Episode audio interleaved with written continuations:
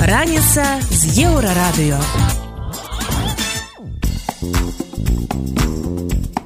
Добрай раніцы вітаем вас на еўрарадыё. Пачынаем праграму раніца з еўрарадыё. Штодзённае шоу пра важныя падзеі, якія ўплываюць на жыццё беларусаў. Галоўнае на гэты момант. Цэны на кватэры ў брэсце б'юць рэкорды. Ситуация, когда сложно вывести деньги за рубеж, сложно конвертировать и сложно получить эти самые разрешения и куда-то прятать, что остается делать э, людям, которые эти деньги зарабатывают? Правильно, покупать квартиры недвижимость. Усё менш беларусаў едзе ў літву і ўсё больш у Польшу. То есть это выезжают люди, которые а, трудоспособного возраста, и не только трудоспособного возраста, но и те люди, которые заводят. Калі чакаць пашпарт новай Беларусі. і я веру гэта я веру што гэта магчыма на гэта ўжо пакладзены вялікія высілкі вялікія намаганні Падрабязнасці неўзабаве. Раніца з еўрарадыё.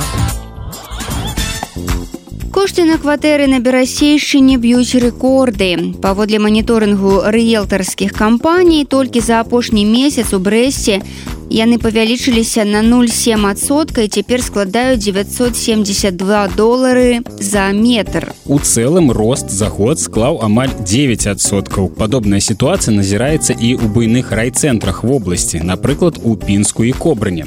Так цяпер сярэдні кошт на аднапакаёвую кватэру ў абласным цэнтры крыху больш за 37 тысяч долараў, у баранавічах пінску і кобрыні аднапакаёўку можна набыць прыкладна за 19 тысяч. Сітуацыя з ростам коштаў назіраецца па ўсёй краіне. Напрыклад, у мінску і большасці абласных цэнтраў яны толькі за тыдзень выраслі на палову адсотка, а ў віцебску амаль на паўтара. Такія навіны могуць гучаць дзіўна, асабліва на фоне меркаванняў незалежных экспертаў пра тое, што эканоміка Беларусі цяпер не ў лепшым стане. Але ў гэтай з'явы ёсць адно вельмі простае тлумачэнне. Пра гэта на сваім ютуб-канале разважае эканаміст Ярослаў Раманчук. Белорусы отречи- отсечены, по сути дела, от фондовых площадок мира. Они не имеют возможности инвестировать в акции предприятий ни в Европе, ни в Америке, ни в Азии, поэтому этот источник сбережения, накопления, инвестирования у них отсутствует.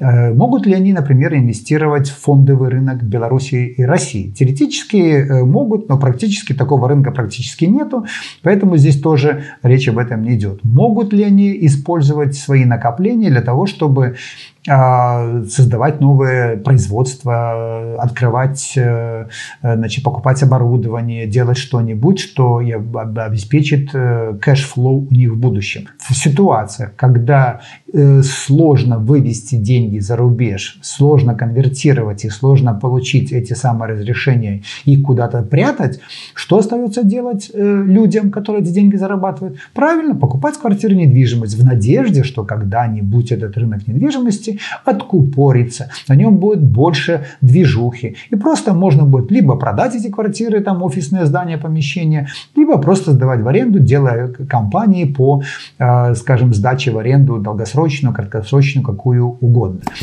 Але ці надоўга хопіць запасаў і што людзі будуць рабіць з гэтымі кватэрамі, калі рэжым нарэшце давядзе эканоміку да суцэльнага развалу, прадказаць пакуль немагчыма. Раніца з еўрарадыё. Далей у праграме раніца з еўрарадыё. Усё менш беларусаў едзе ў літву і ўсё больш у Польшу. То есть это выезжают люди, которые а, трудоспособного возраста, и не только трудоспособного возраста, но и те люди, которые заводят.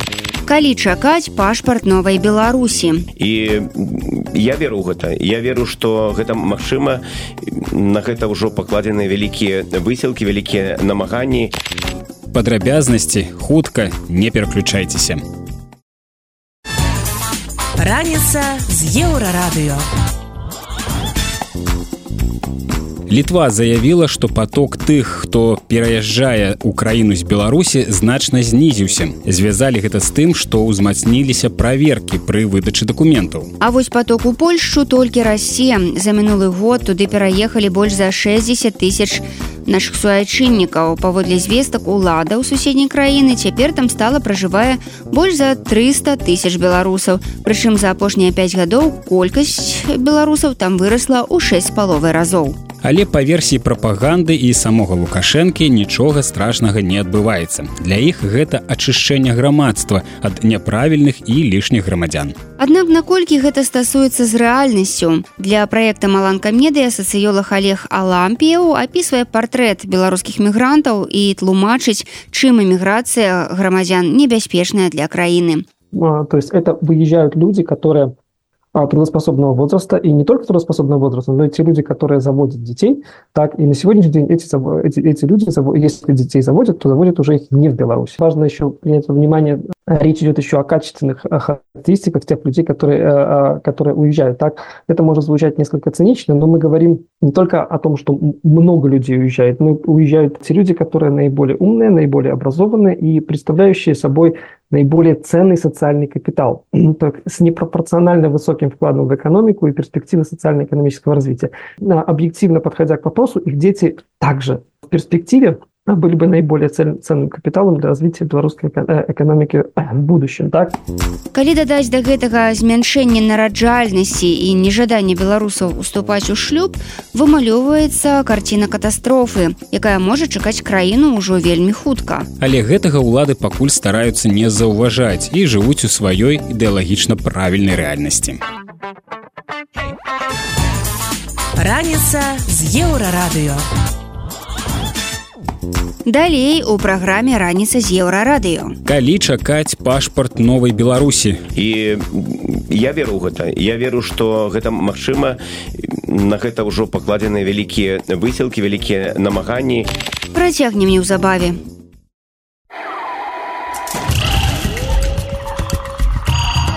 Раніца з еўрарадыё апошнім часам актывізаваліся кантакты афіцыйнага кіева і дэмакратычных сіл беларусі. Хаця на пачатку вайны украінскія ўлады даволі стрымана размаўлялі з беларускай апазіцыяй. Што змянілася ў іх стасунках? Каб расказаць пра гэта на эфір да рэдактара еўрарадыё з метра лукашука завіталі першы дарацца святлана ціхановскай франак вячорка і дарацца ў пытаннях канстытуцыйнай рэформы і парламенцкай супрацы анатоль лябедька якія толькі вярнуліся з паездкі ў сталіцу Украины. Вы адразу фактычна сцягніка до да нас у студыю а прыехалі з Киева можна больш падрабязна апроч тых афіцыйных кароткіх навінаў про тое что было у Киеве у якіх там сустрэчах вы бралі удзел але можа больш падрабязна. Спадар Анатоль. Дата яна прымушае ехаць у Киев мы ж не открываем тут Амерыку мы приехали і бачым там літоўцы чэхі канадцы шведы. Усе ў гэты дзень едуць у Кіев і важна каб беларусы там былі. Тут конечно беларусы скажуць что можа не тыя паехалі маглі лепшае паехаць але вельмі было важна. І я сведчу было десяткі сустрэчаў десяткі людзей просто моцна ці паціскалі нам далоні было важно адчуванне что калі мы говорим что мы еўрапейцы что у нас еўрапейскі выбор что мы бачым еўрапейскую перспектыву то і у нас і дзеянні павінны быць вот такія салідарныя агульнаеўрапейскі мы тут нічым не выдзяляемся а тых кого я пералічу для мяне гэта было вот асабіста самое галоўнае. Маральна вот у гэты час у гэты дзень менавіта пастарацца приехаць у Кіў усё астатняе гэта ўжо было напаўненне. Больше там э, пазітыва эмоцый менш але гэта ўжо выцякала вот менавіта з даты календара але э, франак все ж таки э, гэта была поездка по уласнай ініцыятыве і э, просто аддаць даніну павагі і э, гонару э, тым людям якія зараз бароняць сваю краіну. Ці ўсё ж таки апроч того гэта было і офіцыяль афіцыйнае запрашэнне э, да удзелу у афіцыйных мерапрыемствах э, з вось на нагоды другой гадавіны пачатку э, вялікай войны Ну гэта было і то і тое ну было афіцыйнае запрашэнне мы удзельнічалі ў ялтынскай канферэнцыі у якой бяруць удзелы прадстаўнікі офісу зяленскага і дэпутаты парламентаў і замежныя міністры і чыноўнікі і важна што там былі беларусы я апошні раз удзельнічаў ёй перад вайной у ялтынскай канферэнцыі зараз конечно зусім іншыя тэмы фокус на зброю фокус на то як дапамагчы ўкраіне ну і нам беларусам таксама ёсць што там распавесці як мы дапамагаем мы можа быть не можемм даць зброю але мы можемм даць там нейкую падтрымку на міжнароднае арэнне наши хлопцы аддаюць самае галоўнае гэта жыцці добраахвотнікі палка каліновска. І про гэта трэба расказваць тому что звычайнаму украінцу і замежнікам про гэта невядома. Нам здаецца что ўсе ўсё ведаюць. Не гэта не трапляе на першыя палосы прэс. Ну і вядома запрашэнне ад депутатаў депутатаў якія вельмі падтрымліваюць Беларусь. Гэта і Вадзім галайчук з партыі слугі народа і Алексей ганчаренко з апозіцыйнай партыі парашэнкі собаляў з апозіцыйнай партыі бацькаўшчына. Так. Але далучыліся іншыя. Александр мярэшка прыйшоў які кіраўнік камітэту па замежных справаў сем депутатаў бралі удзел у сустрэчах. І класна што былі вось мы з анатолем не адны а з нами быў пол каліновска. Мы показалі што мы працуем як ну як одно цэлае да. У нас два крылы ёсць палітычнае крыло ёсць военное крыло. Але і тое тое крыло зацікаўленае ў перамозе Украіны і будзе рабіць все каб Украіна перамагла. Украінцам было важна бачыць нас разам і чуць нашу пазіцыю ось сапраўды гэты момант ну можа быть я мимо мяне прайшоў але спадар Анатоль як вы ацэньваеце той факт что у дадзенай сітуацыі вы сапраўды былі разам? Пол каліновска і вот прадстаўнікі палітычных палітычнага крыла дэмакратычных сілаў Беларусі. Что это означае і ці складана было дамовіцца? Я ведаю что раней ну неяк так прынамсі с боку палка каліновска ну так коса глядзелі у бок палітычнай апозіцыі асабіста я адчуваў задавальненне тому что яшчэ два гады назад я гаварыў что ёсць вот две составляющие военная і палітычная з палітычнай было прасцей тому что у людзей быў досвед мы не першы год працуем на міжнароднай арэне а спатрэбіўся нейкі час каб прадстаўнікі палка каліноўскага яны зразумелі что сінергія лепшая чым спроба заняць нейкае месца. Іх крышку падбухторвалі гаварылі что вы ну зараз эпіцэнтры увагі значыць что вы мусіце выконваць не толькі военную функцыю але і бы палітычную але так не бывае так не бывае так не приедешь сёння там парламенскую ассамблею бСе рады Европы там з ружом э, там і іншая э, дзейнічаць составляючая э, прайшоў час і ёсць разуменне что ніхто не можа замяніць Святлану тихохановскую да ей можна по-рознаму ставіцца але яна выконвае вельмі спецыфічную функцыю гэта звязана з яе легітымнасці палітычную і ёсць тое что ніхто не зробіць замест каліноўцаў. І гэта сінергія гэта дапаўнение адзін аднаго. Вот зараз мне падаецца прыйшло усведомленне что гэта моцнае посланне і калі яны прысутнічалі на сустрэчах яны бачаць наши палітычныя контакты наши палітычныя магчымасці. Разам з тым мы даем ім магчымасць там жа у нас быў не толькі круглы стол с депутатамі верховной рады а быў яшчэ круглы стол да якога далучыліся 26 падаецца парламентароў з іншых краінаў. І яны бачаць что мы усе разам. То бок вот гэта два дні для нас былі вельмі важныя каб показать украінцам что у нас есть широкія міжнародныя контакты каб убачылі каліноўцы что мы можем надаваць ім і большай палітычнага весу праз свае контакты тому ёсць абсолютное задавальненне вот вынікам як мы працавалі. Яшчэ трэба прыцерціся адзін да аднаго але быў спікером кабанчук быў спікером франак вечорка мы далучылі яшчэ і некалькі сінтэнкаў украінскія і беларускія это таксама важно. Это таксама важно. Трэба зразумець галоўнае на што мы, мы працавалі. Наскокам Кіев не возьмеш это зразумеў не толькі лукашенко что за три дня Кіев нельга ўзяць. Трэба зразумець і нам беларусам что вось узяць Кіев не просто у сэнсе якім каб мы былі у павесцы дня Киева банкавай. Для гэта трэба ну патрэбна стратегія патрэбны стратэгічны дыалог і думаю что адным з галоўных вынікаў было разуменне что і палітыкі і военные і не ўрады арганізацыі сказалі что нам патрэбна стварыць сістэму працы паміж дэмакратычнай беларусю і кіевам нават могуць мяняцца людзі нехта сышоў нехта прыйшоў А калі сістэма ёсць калі яна працуе то гэта азначае что мы потым пачнем і вырашаць вельмі канкрэтныя пытанні і пра якіх нас тузаюць А калі вы вырашыце вось там з банкаўскімі рахункамі А калі вы вырашыце вот другое пытанне пакуль мы не залажылі палітычны фундамент пакуль мы вот эту не, не стварылі вот эту коаліцыю шырокую не зможам мы вырашаць астатнія пытанні вельмі канкрэтны для людзей таму вот першы крок вот это тое что мы рабілі якраз эти два дні у Киеве ось гэтая сустрэча с депутатамі вельмі важная і цікавая. Але так разумею все ж таки былі і іншыя сустрэчы. Ось франак ж таки як чалавек ну скажем так які можа можа ацэніць значнасць. Якую сустрэчу з тых што былі цягам гэтых двух дзён ты лічыш найбольш каштоўнай. Может быть она была не публічная может быть з ёй там не казалі Вау глядзіце як там і что а насамрэч яна вот на перспектыву вельмі вялікае значэнне мела. Это міжнародная ці з каліноўцамі? А без розніцы вот не, на твой погляд. Каліноўцы найважнейшае так тому что все равно адносіны не ідэальная ўсё роўно ёсць недавер. Але тое что мы приехали на базу пагаварылі са штабам прагаварылі там далейшыя крокі зноў трошки пасварыліся трошки памірыліся гэта найважнейшае так что як бы адносіны паміж беларусамі выбудоўваюцца а было некалькі непублічных сустрэчаў яны больш важныя для працоўнага ўзроўню але што важнае что э, михаил падаляк правёў з намі паўдня свайго працоўнага часу. То бок мы з раніцы правялі дзве гадзіны і вечарам далучыўся на ўсе сустрэчы і цікава было што некаторыя дэпутаты э, сабраліся і по падаляк сабраўся все з адным сталом і дэпутаты пачалі там выказваць свае думкі пра рэпарацыі про тое што Беларусь адказная. Ну пачалі гэтую ідэю что там Беларусь вінаватая. І падаляк вельмі так выразна сказаў што трэба раздзяляць дзве беларусі ён сказаў гэта не нам а ён сказаў гэта депутатам і важна было што яны пачулі ад прадстаўніка офіса зяленска што ёсць Беларусь лукашэнкаўская захопленая рэжымам под контролем Пуціна і ёсць Беларусь незалежная з якой нам трэба супрацоўнічаць.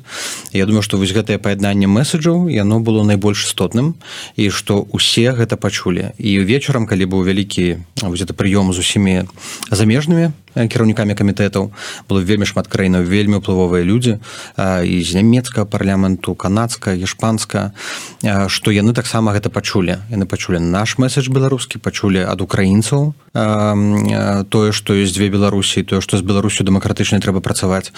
І мы неяк такі синхрону дасягнулі. Ну і мяне было некалькі сустрэчу антола антоля былі таксама падчас ялцыцкай канферэнцыі з джонсонам пагаварылі.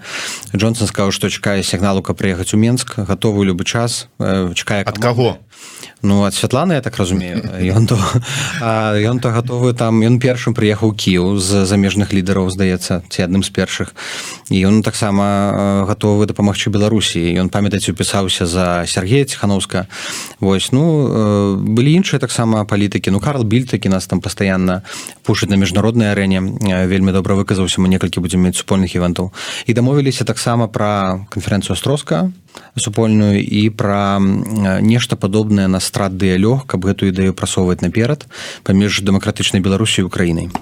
Пра міжнародныя зносіны беларускіх дымсілаў і пра тое што цяпер адбываецца з пашпартам новай беларусі працягваюць распавядаць супрацоўнікі офіса ціхановскай Анатолія бечка і франак вячорка. Вы у тым ліку а можа і вы найперш там дамагаецеся каб былі у розных парламентах розных краінаў.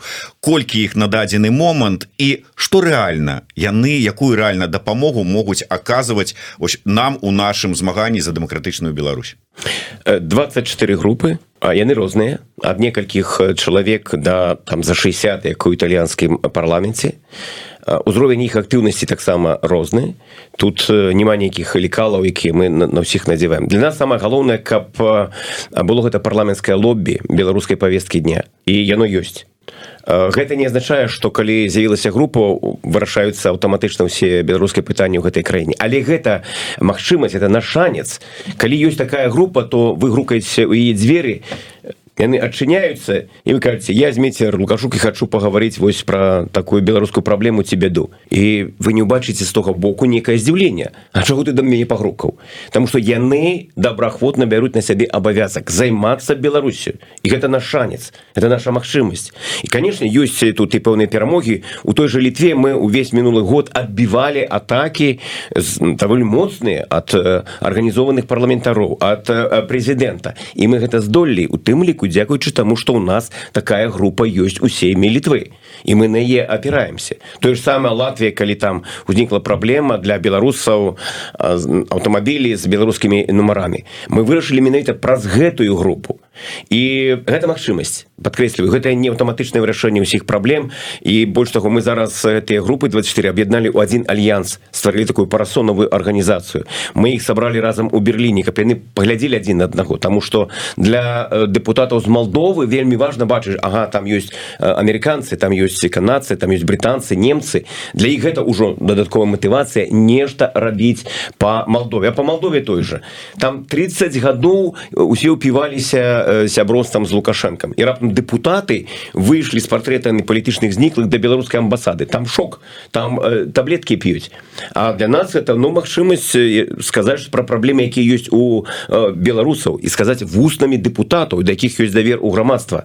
Таму я усцешаны что такія групы ёсць. Мы ставим амбіцыю на гэты год яшчэ 10 недзе краін адкрыць такія групы і працаваць разам. Что яшчэ вельмі важно яны працуюць больш эфектыўна там дзе дыяспоры беларускай вот напрос з імі звязаны. Таму что мы стварылі групу у нас няма ні сакратарыата там не людзей каб яны увесь час з імі. Так мы робім там рассылкі але важно каб дыяспоры на месцы працавалі з гэтымі депутатамі Я думаю праз это можна вырашаць калі не ўсе то многія пытанні так у нас яшчэ некалькі хвілінаў ёсць таму я да вас як да а, я не ведаю даверанай асобы кандыдата у депутаты яські гаспадара задавальненнем что гэта увогуле за ініцыятыва якая выклікала столькі абурэння у палітолага якога франак вячорка патрабуе каб называлі палітыкам Павла усова і чаго вы хочаце дамагчыся стварэннем такого віртуальнага кандыдата?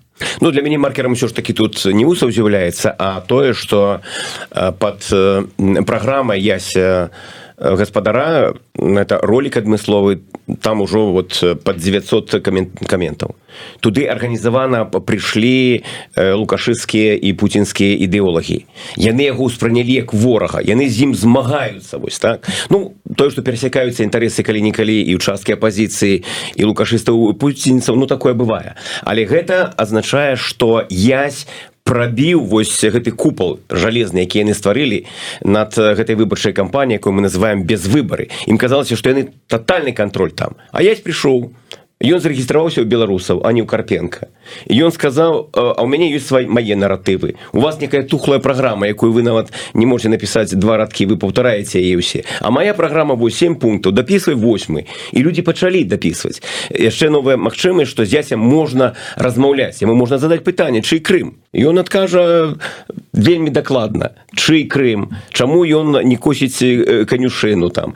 Людзі ўжо там задаюць самыя розныя пытанні. Другі маркер такі что про яго загаварілі ну на парламенской ассамблеі рады Европы. Там э, э, былі раздадзеныя э, э, матэрыялы інфармацыйныя і там было про яся. Так что зноў жа той савіных як убачыў там яся яго там крыху ты трасло. Про яся гавораць ужо э, медыа там BBC італьянскія медыа то ён зайшоў. І што яшчэ вельмі важна што беларусы тут могуць быць першапраходцамі. Таму что я думаю что язь гэта некая такая перспектыва не толькі для беларусі а у сусвеце і тое что мы тут наперадзе что мы выкарыстоўваем нейкія технологлогі мушаны нас заставляе режим але мы не сядзім на месцы. Это таксама вельмі важно что беларусы тут занимаюць эту нішу. Коротко як да чалавека дасведчанага ваше меркаванне пашпарт новой Беларусі. Гэта реальная ўсё ж таки справа якая можа не кажуць выгарыць ці ну вот как бы так вот кшталту ящик гаспадара такое нешта віртуальное не эксперт але я б задавальненнем атрымаў такі пашпарт с магчымасцю ім карыстацца ці паставіць вот. э, дзеля прыгажосці дзеля прыгажосці у мяне ёсць два дыпламатычныя пашпарты з пагоняй вы верыце что это магчыма я, я веру я веру я бачу Не, ну, вы просто шмат ездзіце шмат з дэпутатамі з парламентарыямі гаворыце но вы ведаеце як гэта все працуе. Реально что яны ухваляць яго падляжачы камень вода не цячэ тут вельмі важна ідэя э, добрая. І на ідэю вот першая рэфлексія таксама па пазітыўная далей ўжо там э, бюракраты падымаюцца вот нам трэба справіцца вот этой бюракраты і стварыць прэцэдэнт і я веру ў гэта я веру что гэта магчыма. На гэта ўжо пакладзены вялікія высілкі вялікія намаганні. Ну і мой досвед показа калі ты нешта хочаш ведаеце першая група за дэмакратычную Беларусь была створана 18 гадоў назад у літве. Я не думаю про некія альянсы што яны ўтворацца. Але это тады было вот жаданне што трэба гэта рабіць. І яно апраўдалася проект канстытуцыі мы пачалі ж пісаць не ў двадцатым годзе а э, э, э, там прыкладна за год до гэтага. І у нас былі іншыя некія думкі але гэта аказалася что вот час патрабую праходзіць час і узнікае больш высокі попыт. Галоўна верыць у гэтую ідэю каб яна была ну, насамрэч выходзіла на тое что яна вырашае нейкія праблемы людзей а попыт на гэта ёсць яшчэ. Калі ёсць попыт значыць будзе пашпарт. Гэта былі дарацы Святланы ціхановскай франак вячорка і Анатолля бедька яны завіталі да нашага рэдактара з метра лукшука каб распавесці пра паездку ў Кіў а таксама пра тое ці доўга яшчэ чакаць пашпарт новай беларусі. Раніца з еўрарадыё. Далей у праграме раніца з еўрарадыё у беларусі зменшацца выплаты на пахаванне что будет с социальной допомогой. Именно поэтому и политика является ситуативной, а, то есть она зависит от того, вот, что, что сейчас сложилось, да, то есть никто не смотрит, э, что будет через два года. Азаронак і вячорка ў парламенце жарт ці спецаперацыя рэжыму Ну гэта будзе все мець э, наступствы прынамсі інфармацыйныя да Ну са заронкам я уже не ведаю что тут як бы Пра гэта больш падрабязна бліжэйшым часам.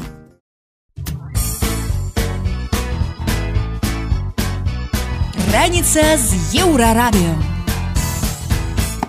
у сакавіку заўважна паменшыцца памер дапамогі на пахаванне. Яна складзе 1991 рубель. Гэта амаль на 280 менш чым у лютым. Дапамога разлічваецца па сярэднім памеры заробкаў у краіне і пераглядаецца што месяц. Праз тое што ў студзені заробак упаў адпаведна зменіцца і выплата. Дарэчы атрымаць яе можна толькі ў тым выпадку калі звярнуцца не пазней чым праз 6 месяцаў з дня смерти блізкага чалавека чалавека. Нагадаем, што летась у Беларусі змянілі і некаторыя правілы ў пахавальнай справе. Напрыклад, цяпер бясплатна можна зрабіць не толькі драўляны, але і металічны крыж, а таксама перагледзелі парадак падзахаванняў у існуючыя ўжо магілы. Але ці з'яўляецца змяншэнне выплат на пахаванне прыкметай праблем з сацыяльнай дапамогай у самай сацыяльнай дзяржаве ў свеце. Эксперты лічаць, што ўлады дакладна не дазволяць зменшыцца сацыяльным выплатам, бо гэта важна для ўстойлівасці рэжыму. Але паводле тых жа экспертаў такая палітыка не ўлічвае магчымых наступстваў у будучыні.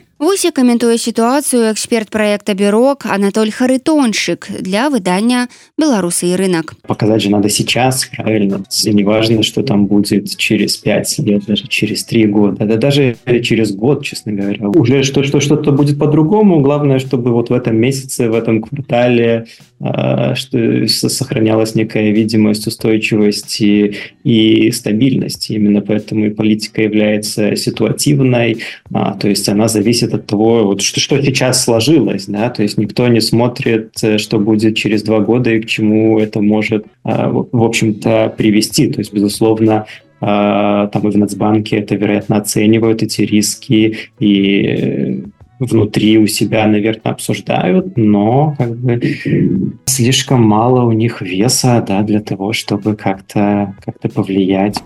То бок пенсіі розныя дапамогі будуць выплочвацца толькі да таго моманту, пакуль на гэта ёсць грошы. А вось наколькі хопіць гэтых грошай, вялікая загадка, здаецца і для лукашэнкаўцаў таксама.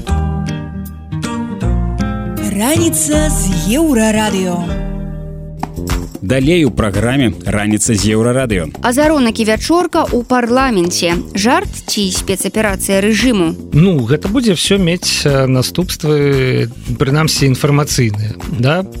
Ну с азаронкам я уже не ведаю что тут як бы. Падрабязнасці неўзабаве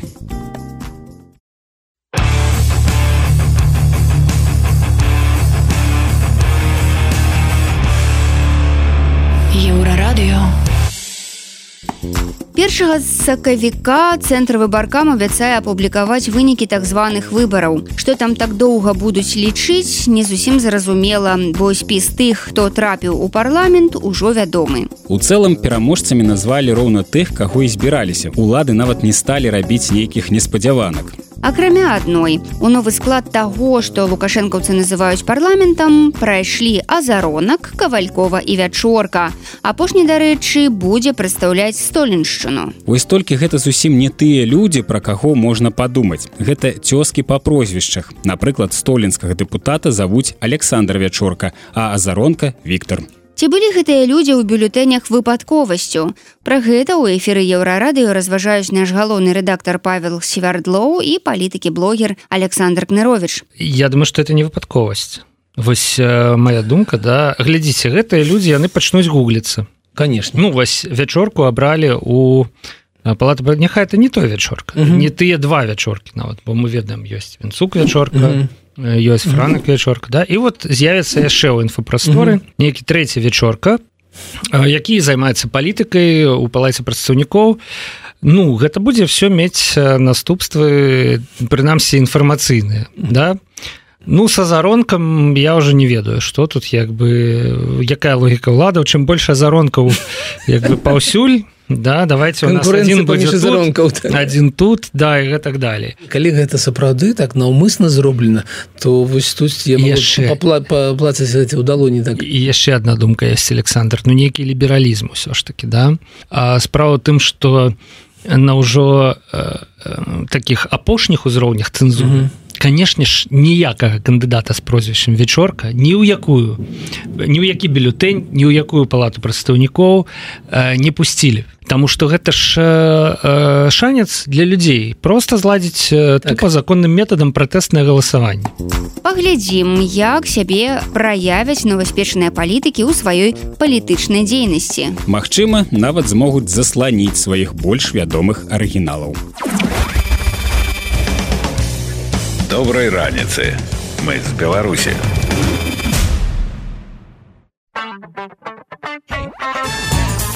раніца з еўрарадыё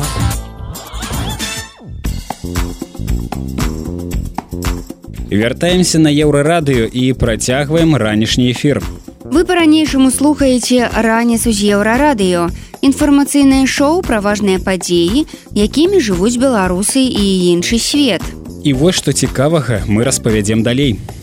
Праблемы з дэмаграфіяй і нацыянальнай валютай, чаго чакаць у бліжэйшай будучыні. Конечно, эти ставки эти риски не перекрывают. Дзе лепей жыць шматдзетным сем'ям у Беларусі ці Еўросаюзе. А ты себя чувствуешь в унижении. Як прайшоў адзіны дзень галасавання. Пра гэта ды іншае больш падрабязна цягам бліжэйшай гадзіны. Раніца з еўрарадыё. Па дадзеных белстата на 1 студзеня 23 -го года колькасць насельніцтва Беларусі складала 9 мільёнаў 260 тысяч чалавек і інфармацыя не абнаўляюцца ўжо больш за год. І не дзіва дэмаграфічныя паказчыкі падаюць хваліцца няма чым. Людзі з'язджаюць з краіны, а нараджальнасць не расце. Нягледзячы на намаганні і нават патрабаванні чыноўнікаў. Напрыклад, летась у краіне нарадзілася ўсяго 65 тысяч дзяцей і гэта горшы паказчык за ўсю всю гісторыю незалежнай беларусі праблема стала настолькі вострай што рэжым дадаў пагрозу дэпапуляцыі насельніцтва у шэраг праблем праекту нацыянальная бяспека У чым пагроза такой дэмаграфічнай сітуацыі на пытанне выдання маланка адказвае сацыёлог олег алампіл Чем с того что демографическая проблема в беларуси она вовсе не нова с регулярностью в течение последних десятилетий у нас принимались национальные программы государственные программы демографической безопасности так причем еще 10-15 лет назад государство задумывалось в том числе о том чтобы сделать Беларусь привлекательной для внешних иммигрантов. Так? То есть уже тогда было понятно, что есть проблема. Проблема. Так? На сегодняшний день а, надо думать, что проблема приобретает на самом деле катастрофические масштабы. Так, ну, во-первых, у нас э, массовая иммиграция. По самым скромным подсчетам э, 1300-350, а по некоторым оценкам э, миллион или даже более. Э, так, э, на самом деле, э, то есть это выезжают люди, которые а, трудоспособного возраста, и не только трудоспособного возраста, но и те люди, которые заводят детей, так, и на сегодняшний день эти, эти, эти люди, если детей заводят, то заводят уже их не в Беларуси, так. При этом здесь важно, важно упомянуть, а, важно еще принять во внимание э, то, что речь идет еще о качественных характеристиках тех людей, которые, которые уезжают. Так, это может звучать несколько цинично, но мы говорим не только о том, что много людей уезжает, но уезжают а, те люди, которые наиболее умные, наиболее образованные и представляющие собой наиболее ценный социальный капитал так, с непропорционально высоким вкладом в экономику и перспективы социально-экономического развития. И э, э, объективно подходя к вопросу, их дети также э, в перспективе были бы наиболее ценным капиталом для развития белорусской э, экономики в будущем. Так? То есть массовая миграция, вызванная известными причинами, в случае тех, кто остается, мы можем также ожидать изменения их э, репродуктивного поведения, ну, по достаточно понятным по достаточно понятным причинам. У сначала, то есть люди просто теряют уверенность в завтрашнем дне, уверен, э, теряют уверенность в личной безопасности, теряют уверенность в экономических перспективах.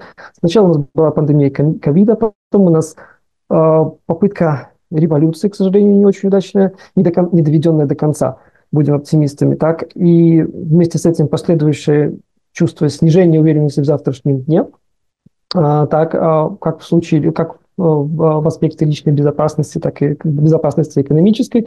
После этого наверх мы получаем войну а, в Украине с достаточно отвратительным и потенциально очень рискованным вовлечением в нее Беларуси на стороне России, так что еще более снижает чувство личной безопасности и а, веру в стабильные экономические перспективы. Так? Ну, в таких обстоятельствах на самом деле немногие решаются заводить, заводить детей. А, это, с этого следовало ожидать. Ну и в довершение ко всему, даже и без, без всего вот этого, э, так а, белорусская экономическая ситуация на фоне соседей, э, если не брать Россию и Украину, выглядит достаточно паршиво. В Беларуси мало кто ориентируется на эти страны здравомыслящих людей. Так?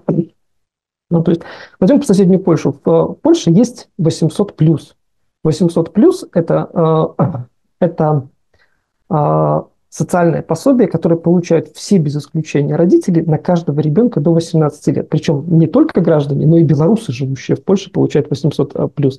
800 злотых – это 200 долларов. То есть в Беларуси у многих такая зарплата. А, так, и в некоторых случаях эта зарплата даже еще и может считаться э, неплохой. Так? А, а при этом, если мы еще добавим, что в Польше товары, а, товары первой необходимости дешевле, дешевле так? ситуация становится ну, совсем не в пользу, не в пользу Беларуси. Так? Ну, в таких обстоятельствах во всей этой красоте, кроме э, сложно найти, э, кто виноват, помимо белорусского правительства, так, и некого винить, кроме себя.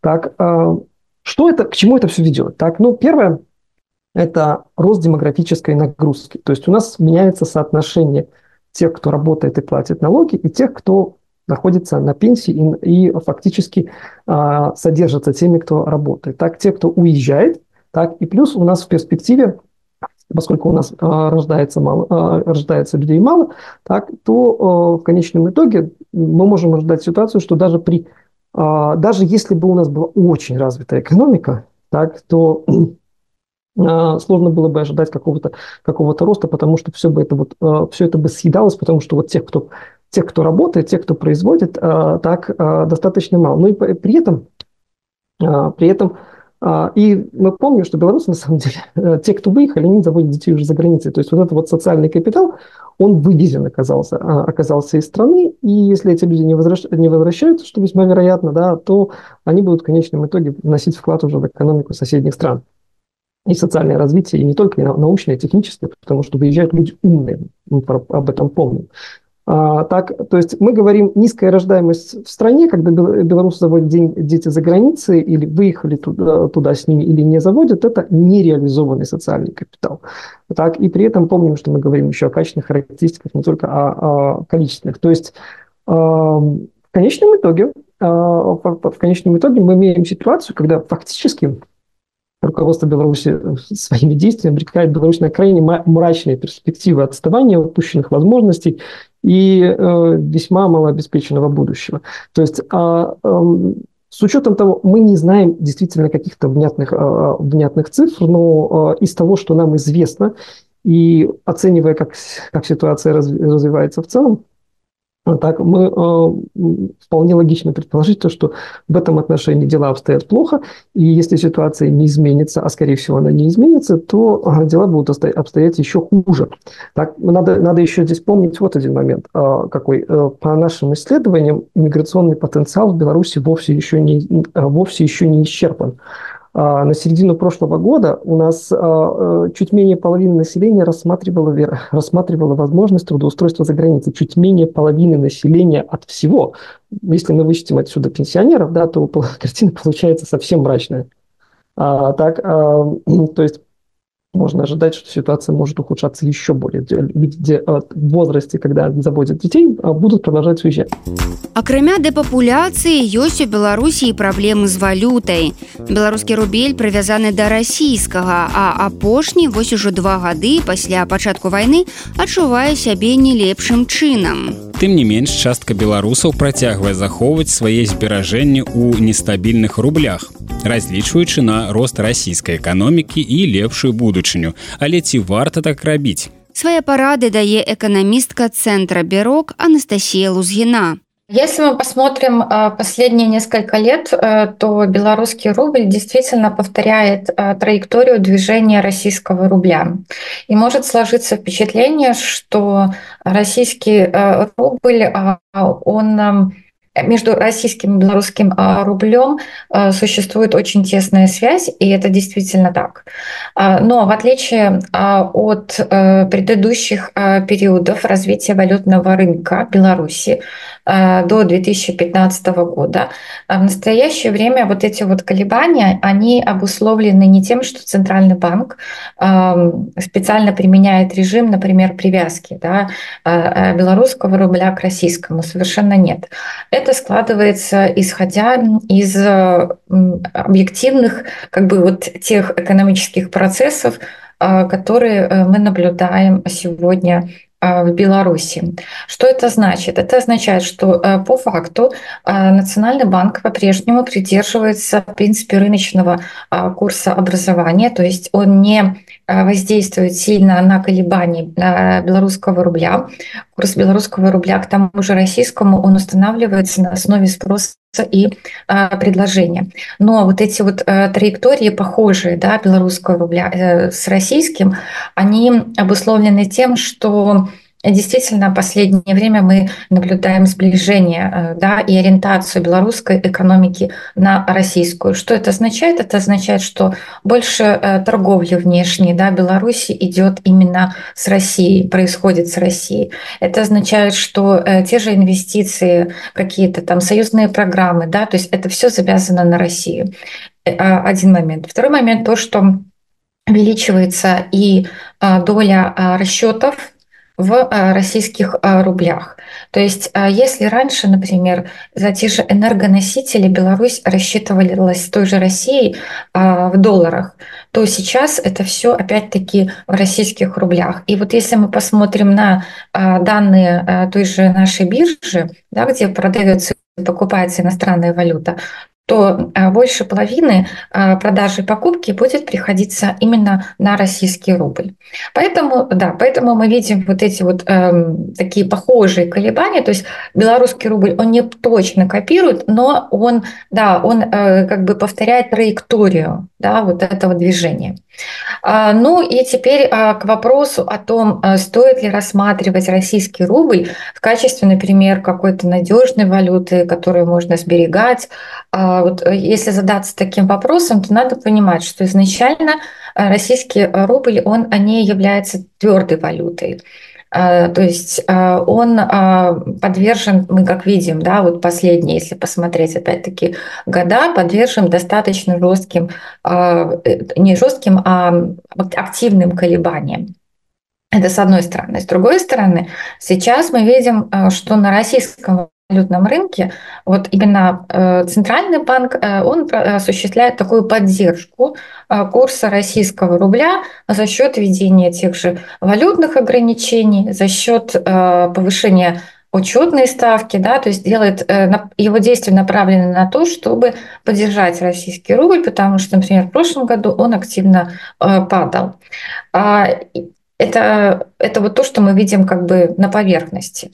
Но плюс к этому нужно понимать, что, конечно, российская экономика, она находится под воздействием ряда санкций, а, она находится в состоянии, ну, можно сказать, такой э, э, войны, да, с другой стороной. И, соответственно, это создает дополнительные риски того, что может а, происходить э, в будущем с российским а, рублем.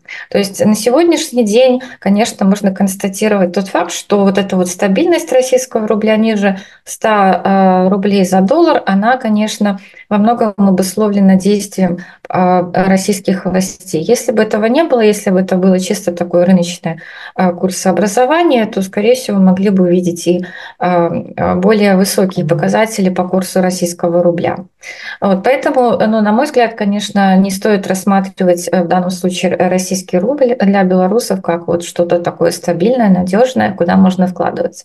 Ну и плюс к этому надо помнить, что э, сегодня в Э, Беларуси, если мы посмотрим на ставки те же по депозитам, да, то э, на иностранную валюту, включая те же российские рубли, ставки там относительно невысокие, можно сказать, низкие. И исходя из тех рисков, которые несет в себе да, вот эти вот вложения в российский рубль, конечно, эти ставки, эти риски не перекрывают. З нами былі эканамістка цэнтра бюрок Анастасія Лузгіна і сацыёлог Олег Алампіяў. Эксперты патлумачылі, як дэпапуляцыя насельніцтва пагражае будучыні Беларусі І ці варта разлічваць на рост і стабільнасць расійскай валюты ва ўмовах вайны. Раніца з еўрарадыё. Далей у праграме раніца з еўрарадыё. Дзе лепей жыць шматдзетным сем'ям у Беларусі ці Еўросаюзе. А ты себя чувствуешь в унижении? Як прайшоў адзіны дзень галасавання. Ёсць тут поспех. Працягнем пасля навінаў спорту. Еўрарадыё. Паслухаў, распавядзі сябру.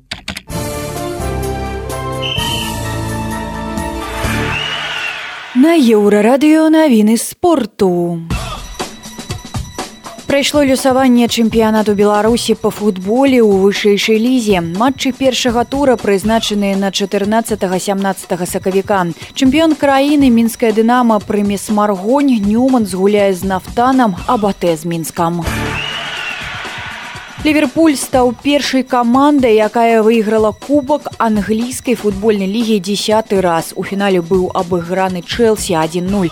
Адзіны гол на 118 хвіліне гульні забіў абаронца Вірджил Вандейк. Сборная Бразіліі 15 раз выйграла чэмпіянат свету па пляжным футболе срэбра ў Італіі, бронза ў Ірана. Беларусы занялі чацвёртае месца, гэта найлепшае дасягненне за ўвесь час іх выступленняў. Ігар Брыштель з 12 галамі стаў найлепшым бамбардзірам першынства. У першым раўндзе плэй-офф кубка гагарына мінская дынама сустрэнецца з маскоўскімі дынамаўцамі, якія занялі першае месца ў заходняй канферэнцыі. Бліжэйшы паядынак першага сакавіка ў Маскве. У рэгулярным чэмпіянаце КХЛ менчукі чатыры разы сустракаліся з сапернікам і ўсе матчы прайгралі.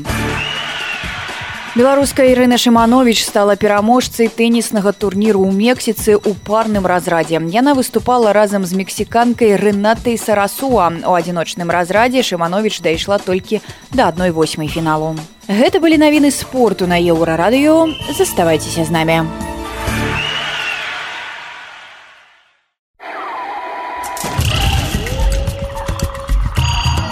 Раніца з еўрарадыё.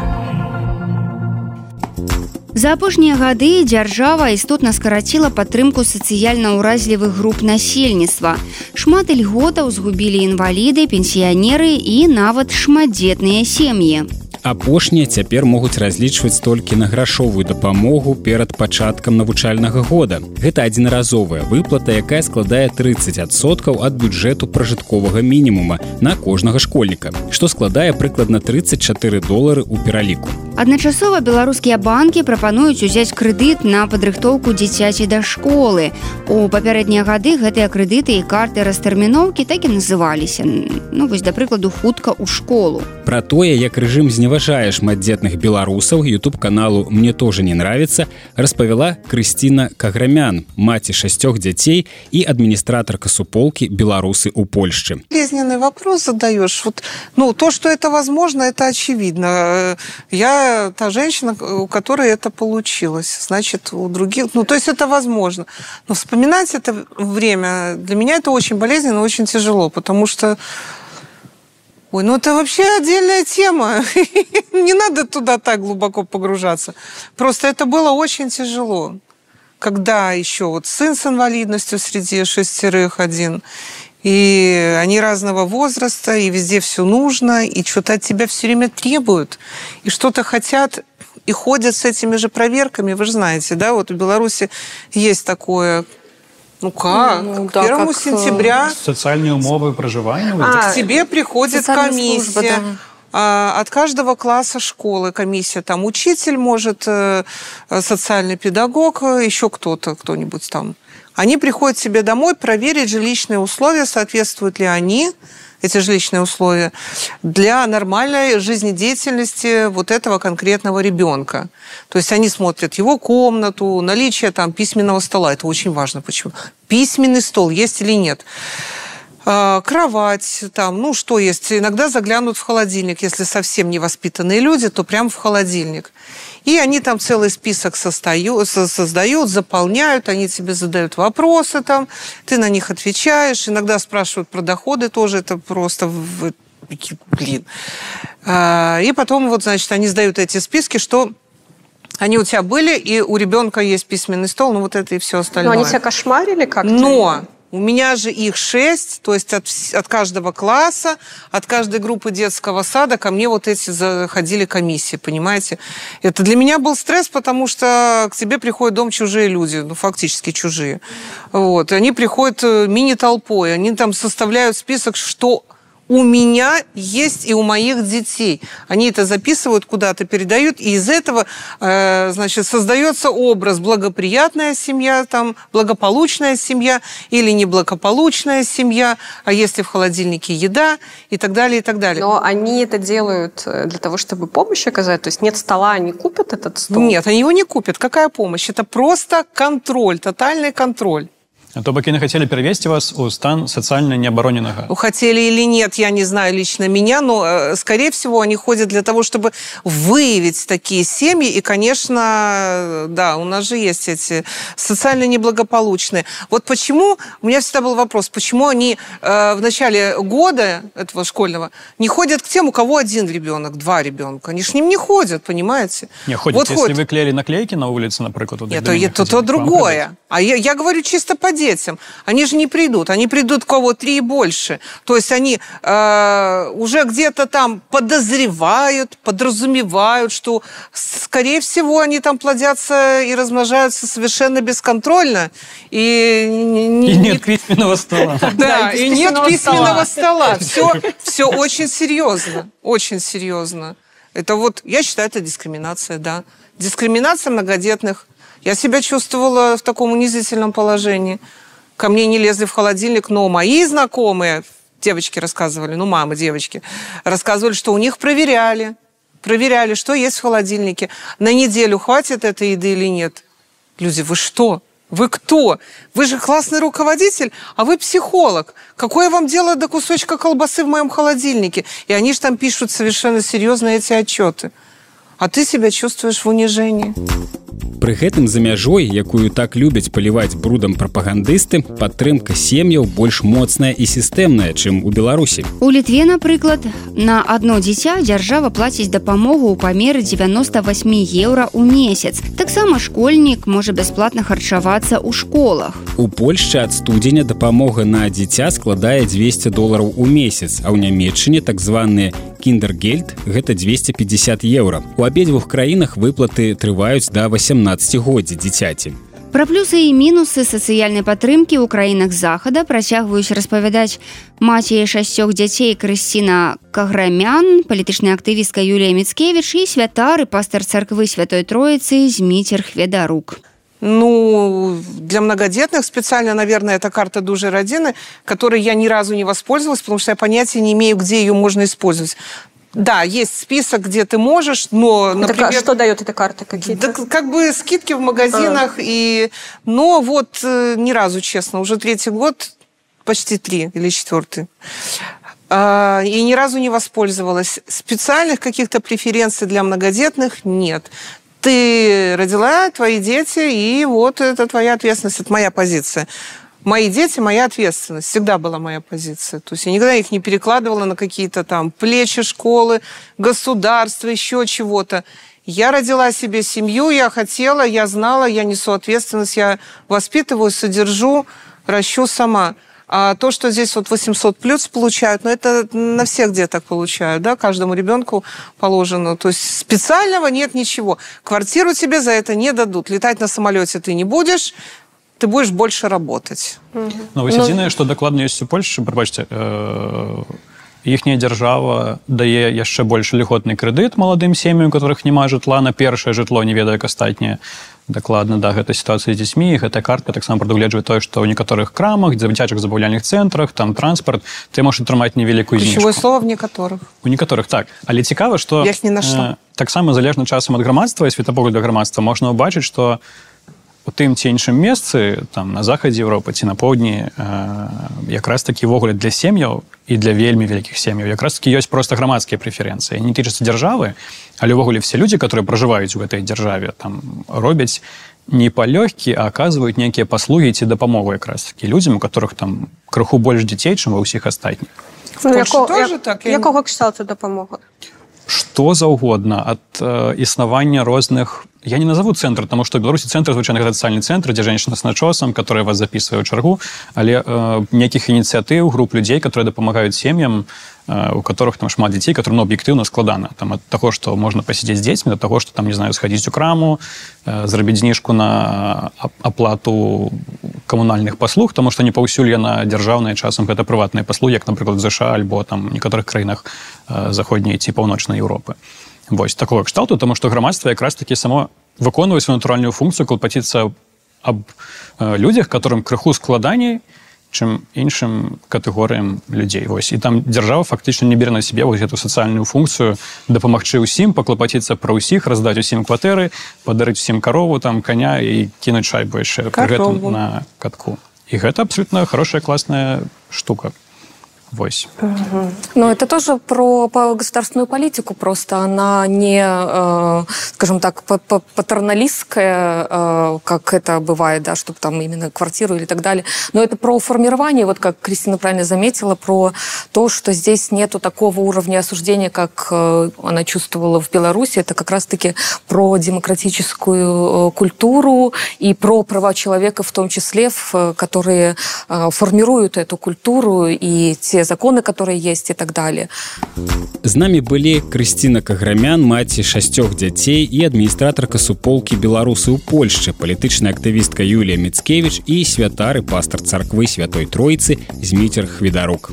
Яны абмеркавалі стаўленне рэжыма да шматдзетных сем'яў і параўналі палітыку падтрымкі іх у Беларусі і Еўрасаюзе. Раніца з еўрарадыё далей у праграме раніца з еўрарадыё. Як прайшоў адзін дзень галасавання? Працягнем пасля навінаў шоу-бізу. Раніца з еўрарадыё.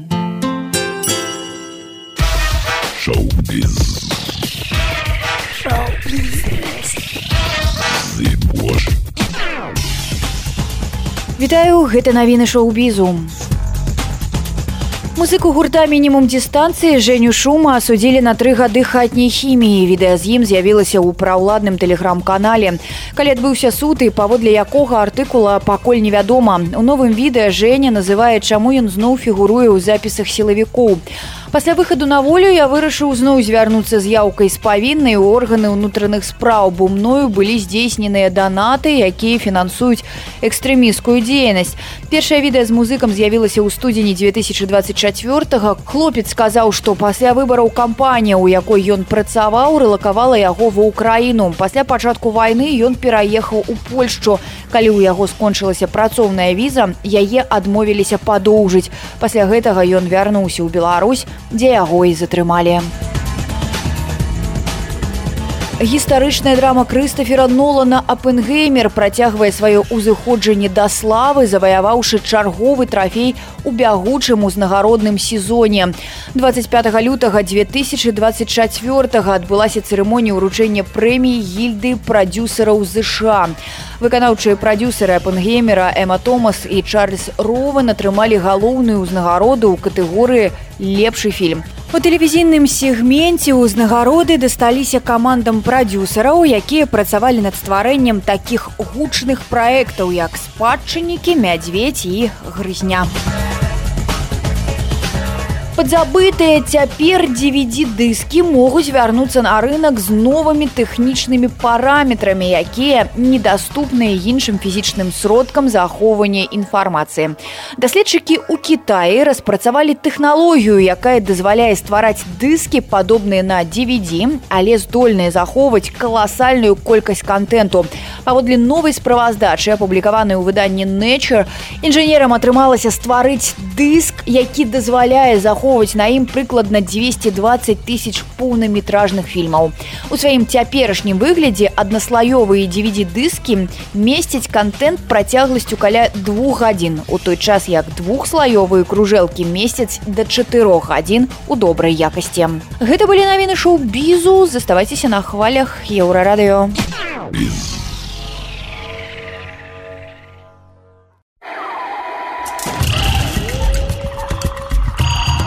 Раніца з еўрарадыё. На мінулых выходных адбыўся адзіны дзень галасавання, бадай адна з самых нецікавых і прадказальных электаральных кампаній у гісторыі Беларусі. Рэжым адным махам абраў дэпутатаў у палату прадстаўнікоў і мясцовыя саветы правераных і лаяльных лукашэнку персанажаў. Апазіцыйна настроеных беларусаў у спісе новых служак народу вы не пабачыце.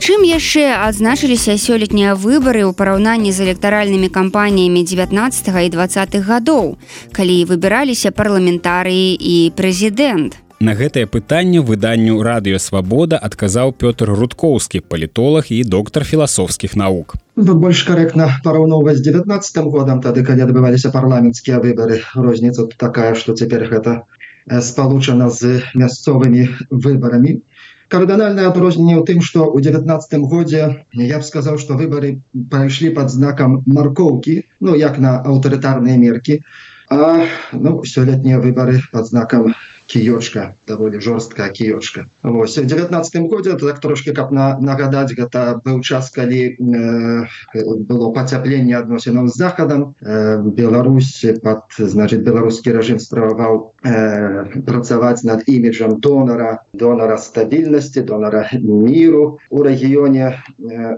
ва ўнутранай палітыцы рабілася стаўка на тое каб э, выпраўляць імідж напрыклад міліцыі гэта вось у девятнадцатым годзе шуневич который кепска кепскі меў імідж быў заменены на юрия караева. Асноўнай задачай якога было паляпшэнне іміджу праваахоўных органаў. Это быў час калі старшыня берасцейскага гарга канкама рагачук сустрэўся з экалагічнымі актывістамі каб размаўляць. Шмат было таких жестаў которые сведчылі про тое что улады тады рабілі стаўку вось менавіта на маркоўку на тое каб задобрываць грамадства і таким чынам займець такі электаральны поспех. Ну канешне там фальсифікацыі ніхто не адмяняў але на гэта тады ў асноўным рабілася стаўка. Ну а тут так думаю что тут няма чаго доўга разводіцца просто суцэльныя рэпрэсіі з'яўляюцца фонам гэтай гэтых выбараў. Петра Ну а вот як бы структурна у чым адрозніваецца?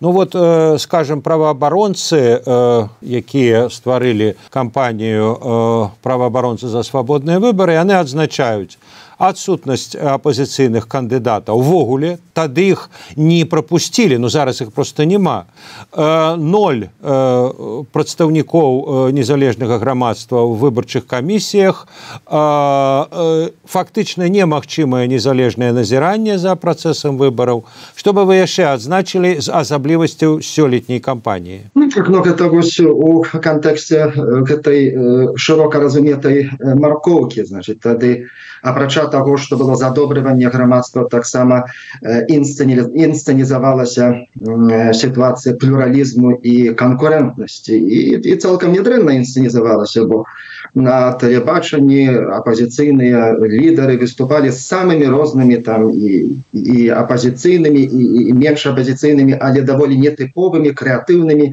прапановым была даволі вялікая разнастайнасць Вось канешне у структурным плане у плане структуры удзельнікаў працэсу тады і цяпер канешне так тут кардыналь кардынальная розніца гэта як бы элемент вось гэтай стаўкі на маркоўку з аднаго боку і, і кіёчак у цяперашняй кампаніі. Что тут ніякіх значыць рызыкаў можа быть ніякіх рызыкі мусілі быць мінімалізаваны прысутнасць прадстаўнікоў праваахоўчых органаў там немагчымасць фатаграфаваць альбо нават так нейкім чынам заявіць пра нейкім чынам засігналізаваць сваю нязгоду з цяперашнім палітычным курсам напярэдадні адзінага дня галасавання ініцыятыва былых сілавікоў белпол зладзіла эфектную акцыю трансляцыю на экранах у метроды крамах звароту святланы ціхановскай лідарка дым сіл выступила заклікам не хадзіць на фальшывыя выбары. Які эфект атрымала гэтая акцыя? Ці магла яна знізіць рэальную яўку? Саму падзею і яе наступствы каментуе Пётр рудкоўскі. Ну калі казаць пра ўплыў ён тут можа быць сімвалічны і тут можна цяпер э, сказаць что толькі сімвалічна ці ажно сімвалічна но улічваючы поўную зачыстку і, і, і, і ілюзію поўнага контролю ну, не ілюзію але сітуацыю поўнага контролю над грамадствам. Вось тое что пробіваецца с таким вельмі выразным посылам с такой вельмі выразнай сімволікай. Ну і калі верыць данясенням бел пол матольку немного не мало каля двух тысячаў месцаў дзе гэта транслявалася но гэта так гэта эфектна гэта у першую у першую чаргу. Ну, але таксама таксама напэўна у такі псіхалагічны резонанс ёсць. Тут хотел бы азначыць что что акурат вось такими акцыями дэмакратычныя сілы которые ну, вымушаныя знаходзяцца за мяжой трапляюць у найбольш невральгічны пункт беларускага рэжыму бо э, гэтым э, ёсць ёсць праблема з оттокам прафесіяналаў спецыялістаў у розных сферах і у той самай дыпламаты і эканоміцы і шмат бізнесоўцаў але таксама вось у сучасным свеце вялікую ролю адыгрываюць вось спецыялісты по айти зноў жа па-першае отток айцішнікаў як бізнесоўцаў таксама я так думаю что отток айцішнікаў которые ну патэнцыйна маглі б быць заангажаваны вось у, у, у забеспячэнне гэтых сістэмаў ну, поэтому і, і, і, і гэта гэта тая той, той момант который рэжыму вельмі складана э, нейкім чынам выправіць. Бо тут э, бы можна вельмі добра аперировать дубінкай і, і, і, і распрацоўваць там способы э, рэпрэсавання грамадства. Ну але умоўны амападец вось не не створыць праграмнае забеспячэнне для вось на такія выпадкі Петр ну з іншага боку там таксама спецы ёсць і мы памятаем вот скажем як на пасяджэнні вольнага універсітэта з'явіўся прадстаўнік КДБ спадар бычык і сказаў у нас все под контролем А, но, так. а вот это, это вот акция, вот эта акция Белпола, она в певном сенсе симметричный отказ. Все это и у нас под контролем, шановное господарство. Ну, ну так, тут певную там симметрию, это может симметрия, асимметрия, але улічваючы магчымасці но ўсё ж таки тут э, поспех апозіцыйных сілаў ёсць у, гэтым плане вось ж таки но э, у рэжыма ну аграмадны і сілавы і эканамічны фінансавы ресурс ну і той самы чалавечы ресурс ён непараўнальны з, з тымі ресурсамі якімі валодаюць апозіцыйныя сілы за мяжовым тым не менш ёсць магчымасць вось стварыць такую сіметрыю гэта гэта улічваючы вось наяўнасць дыспрапорцыю каласальную дыспрапорцыю ресурсаў но тут, я бы сказаў что гэта ёсць тут поспех. Мы слухали палітолага і доктара філасофскіх навук пятра рудкоўскага. Ён распавёў чым адзначыліся сёлетнія парламенцкія выбары і як раптоўнае з'яўленне ціханаўскай на экранах у метроды крамах адбілася на выніках электаральнай кампаніі. еўрарадыё